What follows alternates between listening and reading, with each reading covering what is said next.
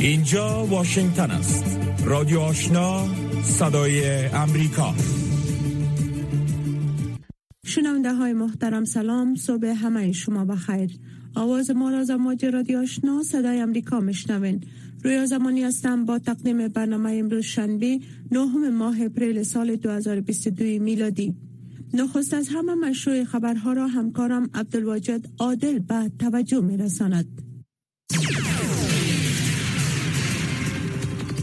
شنوندگان عزیز سلام اخبار این ساعت رادیوی آشنای صدای امریکا را به توجه می رسانم.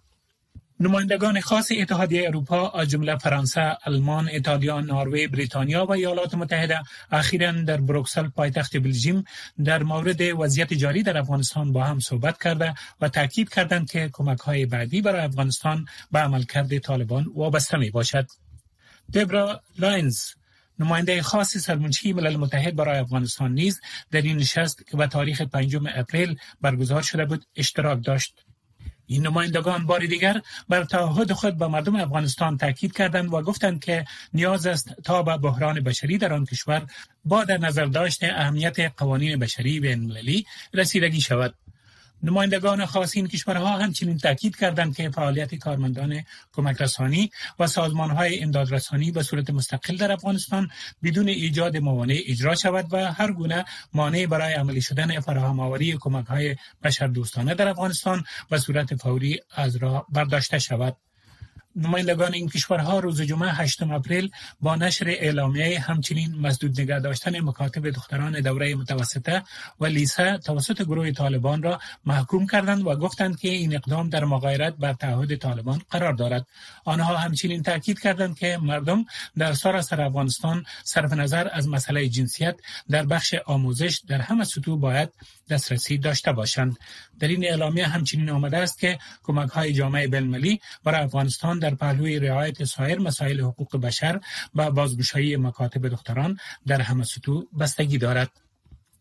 هیئت معاونت سازمان ملل متحد در افغانستان یوناما از ادامه توقیف خودسرانه خبرنگاران و کارمندان رسانه‌ای توسط طالبان در این کشور ابراز نگرانی کرده و از این گروه خواسته است که به رسانه ها متوقف شود.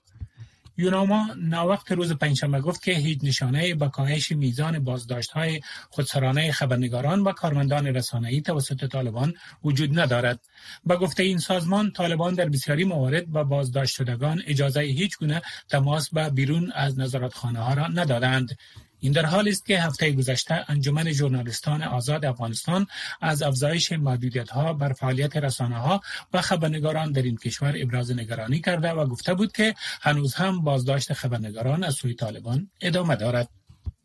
امران خان صدر پاکستان روز جمعه در آستانه رای عدم اعتماد بحث برانگیز که به نظر می رسد او را برکنار کند خطابه ای را به مردم پاکستان ایراد کرد امران خان بار دیگر ادعای خود مبنی بر این که ایالات متحده می خواهد او را از قدرت برکنار کند تکرار کرد و گفت که او یک دولت وارداتی را نمیپذیرد و از حامیان خود خواست تا با آن مخالفت کنند. اما قصد سفید و وزارت خارجه بارها اتهامات امران خان را رد کردند. نت پرایس سخنگوی وزارت امور خارجه که در یک کنفرانس خبری در مورد اظهارات عمران خان سوال شد گفت که هیچ حقیقتی در آن وجود ندارد. وزارت خارجه امریکا می‌گوید که با باور رئیس جمهوری ایالات متحده نیروی قدس سپاه پاسداران انقلاب ایران یک گروه تروریستی است. جالینا پورتر معاون سخنگوی وزارت خارجه امریکا روز جمعه 19 حمل در جریان یک کنفرانس خبری تلفنی با خبرنگاران گفت که رئیس جمهوری امریکا در مورد تروریستی بودن نیروی قدس سپاه پاسداران با ژنرال میلی هم نظر است. جنرال مارک میلی رئیس لوی رسیدهای مشترک ایالات متحده امریکا روز پنجشنبه در کمیته نیروهای مسلح سنا گفته بود معتقدم نیروی قدس سپاه پاسداران انقلاب اسلامی یک سازمان تروریستی است و از حذف آن از فهرست گروه های تروریستی خارجی حمایت نمی کند و این سازمان نباید از فهرست سازمان های تروریستی خارجی ایالات متحده حذف شود. در حالی که از تهاجم روسیه به اوکراین بیش از شش هفته گذشته است روز جمعه بر اثر اصابت یک راکت به یک ایستگاه قطار در منطقه دونسک در شرق اوکراین که محل تخلیه هزاران غیر نظامی در حال فرار جنگ است 50 نفر کشته شدند. ولادیمیر زلنسکی رئیس جمهور اوکراین مسکو را مسئول این حمله دانسته اما وزارت دفاع روسیه دست داشتن در این حمله را رد کرده است. جو بایدن رئیس جمهور ایالات متحده روز جمعه 8 اپریل پس از حملات راکتی بر ایستگاه قطار آهن در اوکراین روسیه را به قصاوت وحشتناک علیه اوکراین متهم کرد. رئیس جمهور بایدن در یک نوشته است که حمله بر ایستگاه قطار آهن اوکراین یکی دیگر از های وحشتناک روسیه است که در اوکراین صورت گرفته است و غیر نظامیان را هدف قرار داده است که تلاش می‌کردند به صورت مسون از منطقه بیرون شوند. پایان اخبار از رادیوی آشنای صدای امریکا.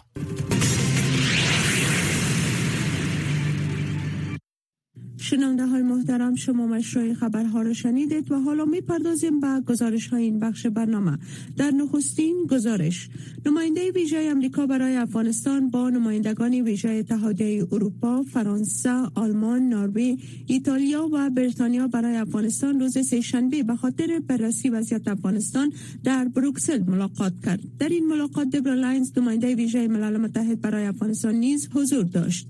نمایندگان ویژه این کشور پس از پایان این نشست اعلامیه 15 ماده ای را نشر کردند که در آن از روی کرد طالبان به شدت انتقاد شده است. همکارم سحر عظیمی در مورد این اعلامیه با طارق فرهادی تحلیلگر مسائل سیاسی مصاحبه را انجام داده است که به سمع شما رسانیده می شود. این اعلامیه 15 ماده به شکل بی سابقه از عملکرد طالبان انتقاد کرده به نظرتان چرا همچون یک اعلامیه شدید لحن توسط نمایندگان ویژه امریکا اتحادیه اروپا و برخی کشورهای اروپایی بر افغانستان علیه طالبان صادر شده. بله در حقیقت دو نوع کمک میشه بر افغانستان. یکی کمک های بشری میشه که به هر صورت ادامه میفته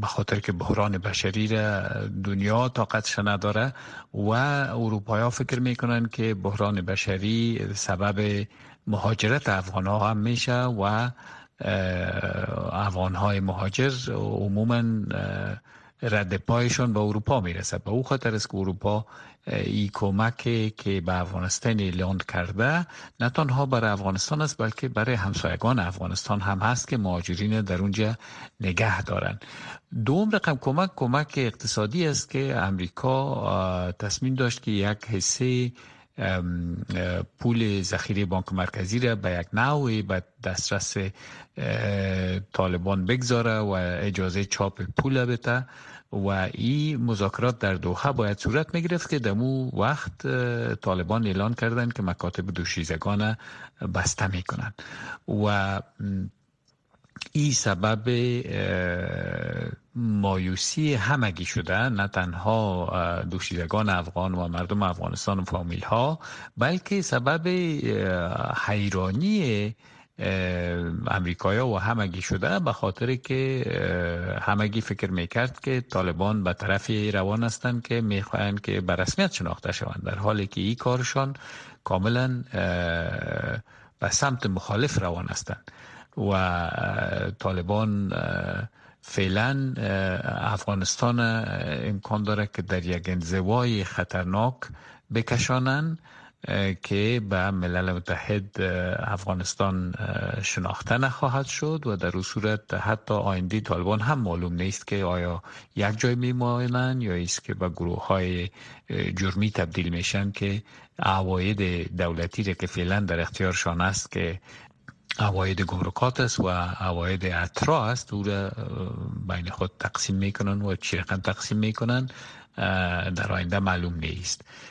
در ماده دهم این اعلامیه آمده که نوعیت و میزان کمک های اقتصادی به افغانستان در آینده به اعمال طالبان به ویژه روی کرد این گروه در قبال زنان و دختران افغان بستگی دارد به نظر شما آیا این به نحوی مشروط ساختن کمک ها به افغانستان است آیا طالبان فکر می‌کنین با آن تمکین خواهند کرد یا خیر؟ نگرانی ها روز به روز راجع به آینده افغانستان زیاد شده میره. طالبان هیچ گونه حرف نیک نمیشنوند. نه از کشورهای همسایه نه از سازمان کشورهای اسلامی نه از کشورهای دونر افغانستان و نه از مردم افغانستان که می‌خواهند که کشور به طرف یک مسیر مثبت سوق پیدا کنه در این حال نگرانی های زیادی آل پیدا شده در مورد تخطی طالبان از حقوق بشر، حقوق دختران، حقوق زنان، حقوق اقلیت ها در افغانستان. و قطنامی 26-26 ملل متحد شورای امنیت که در روج برای یوناما وظیفه داده شده در حقیقت که حقوق بشر هم مراقبت کنه و مشارکت سیاسی را هم مراقبت کنه و در میان بیاره. و یک گزارشگر ویژه هم بر افغانستان تعیین شده. آقای بنت. این نشانگر از است که جهان حاضر نیست که طالبان به رسمیت بشناسه و بسیار در حقیقت افغانستان زیر یک ضربین رفته با تمام از واقعات منفی که در اونجا رخ میده. و طالبان یک رقم دروازه را سر خود بسته کردن و حاضر به مذاکره با دیگر افغان ها با جامعه بینالمللی نیستن روی از مطالب. و فقط هم میگن که ما به کار کسی غرض نداریم. شما به کار ما غرض نداشته باشین.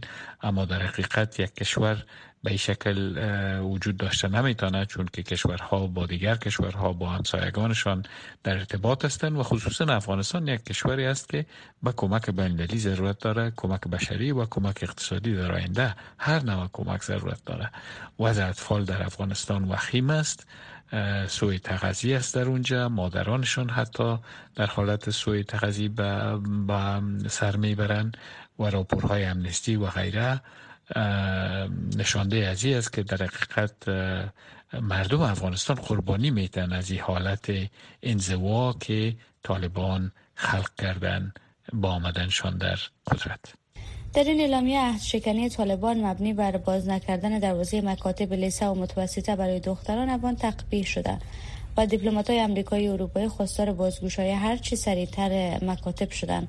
چقدر فکر می‌کنن این فشارهای بین المللی می‌تونه طالبان را مجبور به عقب نشینی از این تصمیمشان کنه؟ در این حال نگرانی های زیاده پیدا شده از تخطی های حقوق بشر در افغانستان حقوق دختران که مکاتبشان بسته شده حقوق زنان که از کار ماندن در ادارات دولتی و در مکاتب باعث معلمه حال کار کرده نمی‌تونن و اقلیت ها و که تمام از این سبب مهاجرت بیشتر میشه از افغانستان به بیرون. اروپا از این بسیار نگران هستند و قطعنامی 26 26 شورای امنیت ملل متحد که یوناما را مندیت تازه داد یعنی یک وظیفه تازه داد که مسائل حقوق بشر هم تعقیب کنه و تخطیش درج کنه. و بر از امو خاطر است که یک نماینده خاص به نام ریچارد بنت تعیین شد بر از این کار. که هم تجربه سابقه افغانستان داره. در این حال این اقدامات جامعه بین‌المللی نشان میده که جهان حاضر نیست که در این حالت طالبان به رسمیت بشناسه. حتی سخنگوی وزارت خارجه روسیه امروز گفت که ما روابط دیپلماتیک می داشته باشیم اما شناختن رسمی طالبان هنوز بسیار زود است. هفت روز هفته با رادیو آشنا صدای امریکا.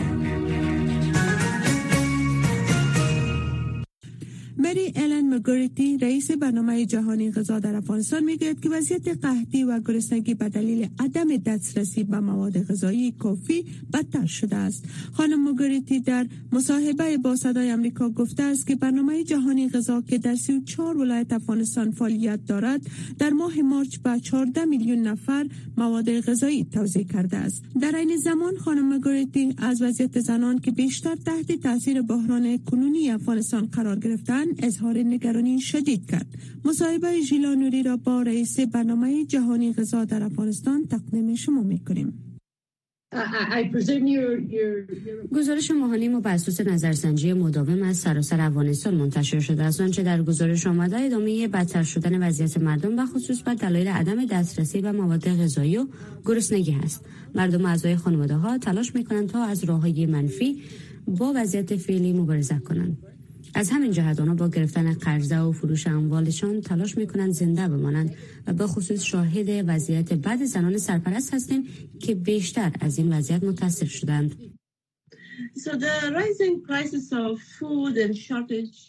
بالا رفتن قیام که بوده مواد غذایی و قحطی در سر افغانستان ادامه دارد و بنیادهای خیریه از این وضعیت بیشتر نگران هستند. شما چطور فعالیت خود بر رسیدگی بحران فعلی در افغانستان و پیش می‌برید؟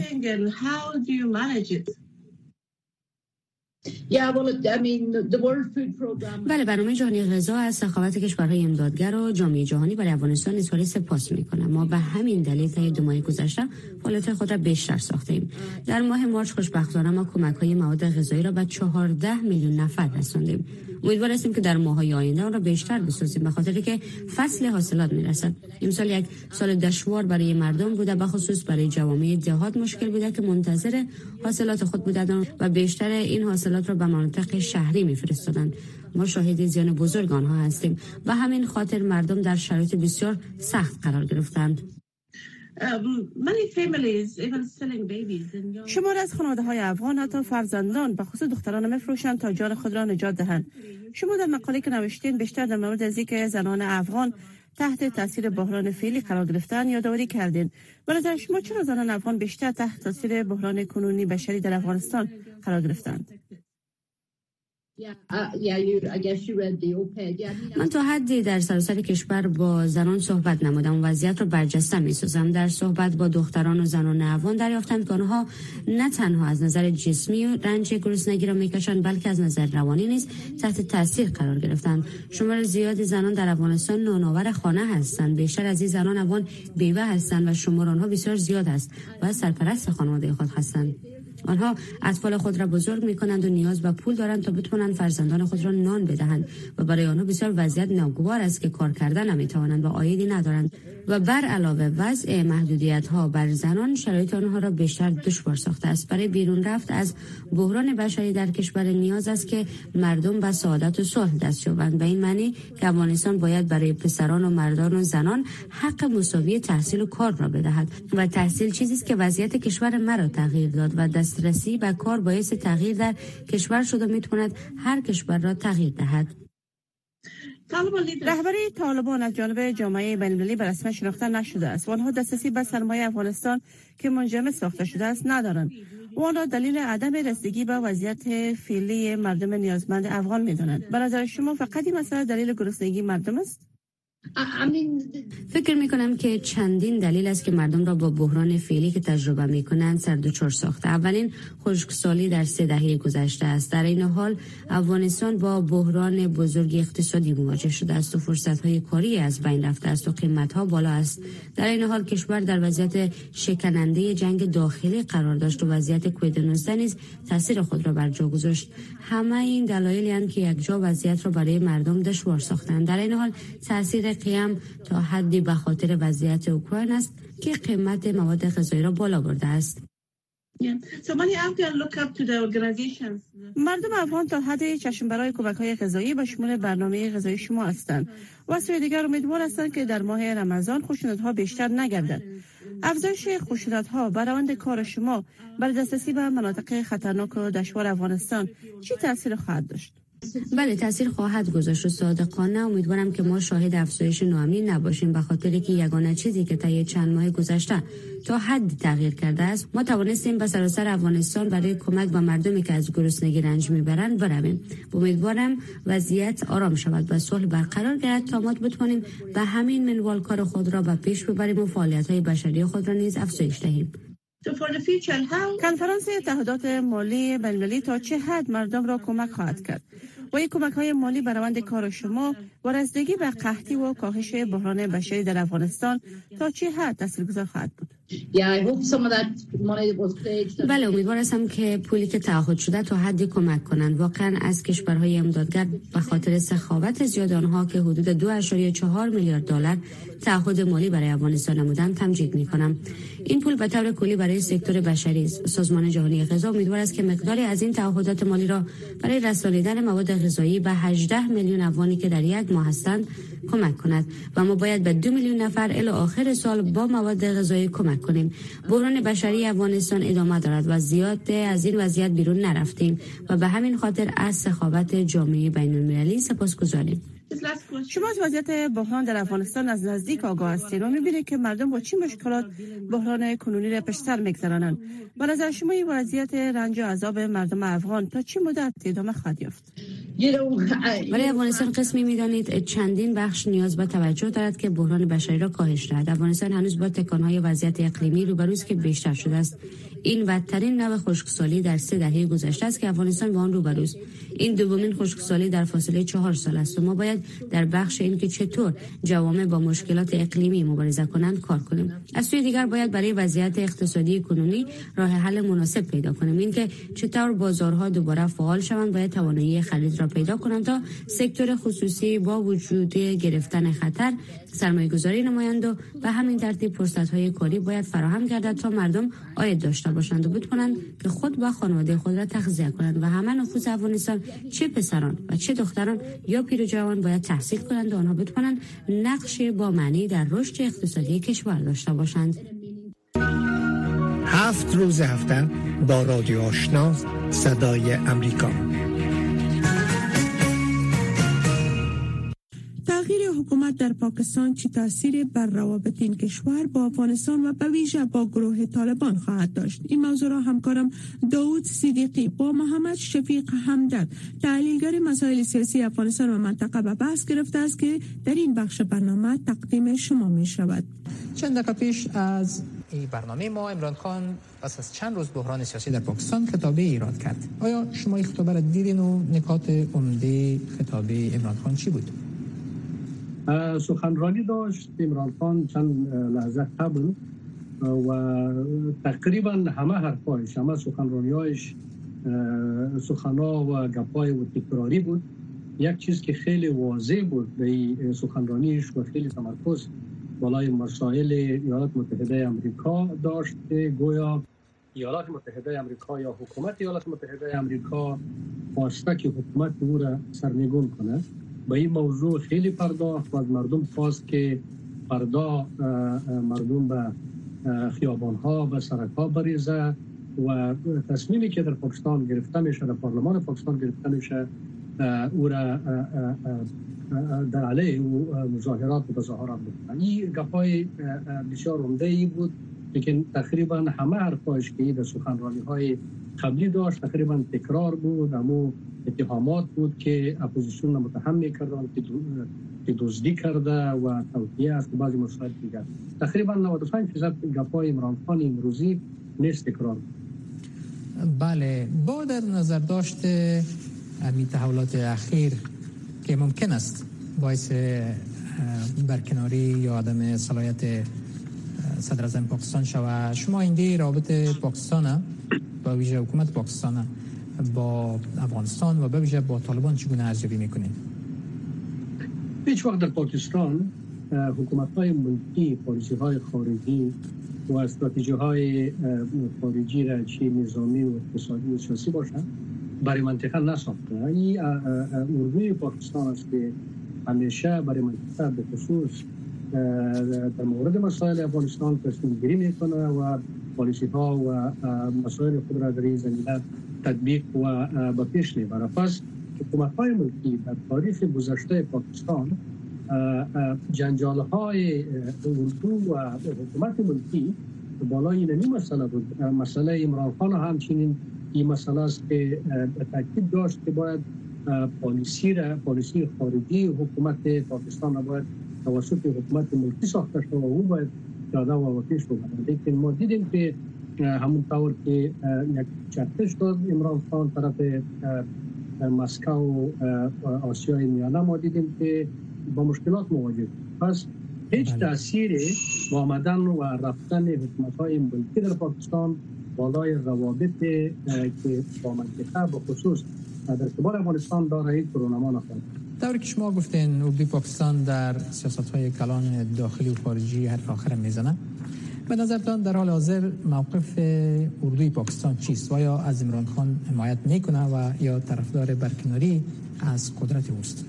من فکر می کنم که مشکلاتی که برای عمران خان پیدا شد علتش اینمی است که ارتش پاکستان یا اردوی پاکستان حمایتی که از عمران خان می‌کرد در سابق او را به قدرت رسانده بود و در تقریبا سی و نیم سال گذشته پشت سر حکومت ملکی عمران خان ایستاد بودن حمایت خود را از عمران خان گرفت و به یک نحوی کوشش کرد که متحدینی که در حکومت ملکی با عمران خان بودن اونا را طرف اپوزیسیون بکشانه و عمران خان را به چالش بکشه بله. این مشکل عمده حکومت های ملکی به خصوص از حکومت عمران خان مشکلات با ارتش است مشکلات با اردو است.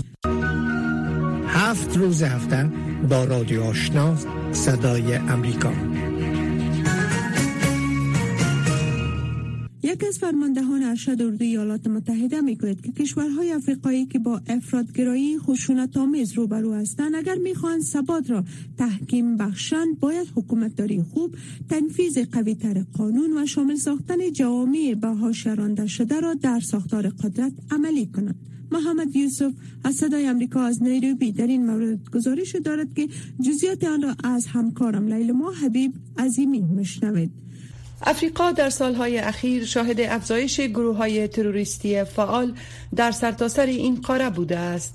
الشباب در شرق افریقا، القاعده و گروه های وابسته به دولت اسلامی در حال گسترش در ساحل و بوکو حرام در اطراف حوزه دریاچه چاد از برجسته ترین ها هستند. جیمی سندز رئیس فرماندهی عملیات ویژه اردوی امریکا در افریقا روز پنجشنبه گفت کشورهای افریقایی برای توقف تهدید تروریسم به حکومتداری بهتر و همکاری بیشتر نیاز دارند. No nation can solve this challenge or this problem alone. هیچ ملت نمی‌تواند این آزمون و یا این مشکل را به تنهایی حل کند. مشارکت ها کلیدی اند پیشگیری از افرادگرایی از طریق اصلاحات حکومتی و پیشرفت راه آسانتری نسبت به مبارزه با افرادگرایان خشن از طریق فعالیت های متحرک و جنبشی است. ارزش ها مهمند شفافیت مسئولیت پذیری و شمولیت در حرکت رو به جلو کلیدی اند سرمایه گذاری بین المللی بسیار مهم است و این سرمایه گذاری باید با امنیت حکمرانی خوب و کمک همراه باشد. فعالیت های تروریستی حداقل 33 میلیون نفر را در سرتاسر قاره افریقا آواره کرده و به بیثباتی سیاسی در کشورهای مانند مالی، بورکینا فاسو و سومالیا کمک کرده است. سنز می گوید افرادگرایی خشونت آمیز روابط میان دولت و شهروندانش را از بین می برد. فقدان امنیت همراه شده با تصویر ضرری که بین حکومت و مردم در برخی از مناطق اتفاق میافتد واقعا برای ایجاد فضای شکل می‌گیرد که در آن مردم ایمان خود را نسبت به حکومت از دست می‌دهند و یا عمدن تصمیم می‌گیرند که حکومت را سرنگون و ساقط کنند. با یک کودتا. همان طوری که دیدیم. ما فکر می‌کنیم که در بورکینافاسو به شکل یک شورش ظهور کرد که به یک کودتا تبدیل شد. در ماه جنوری سال جاری اردوی بورکینا فاسو رئیس جمهور را برکنار کرد و قانون اساسی را به حالت تعلیق درآورد.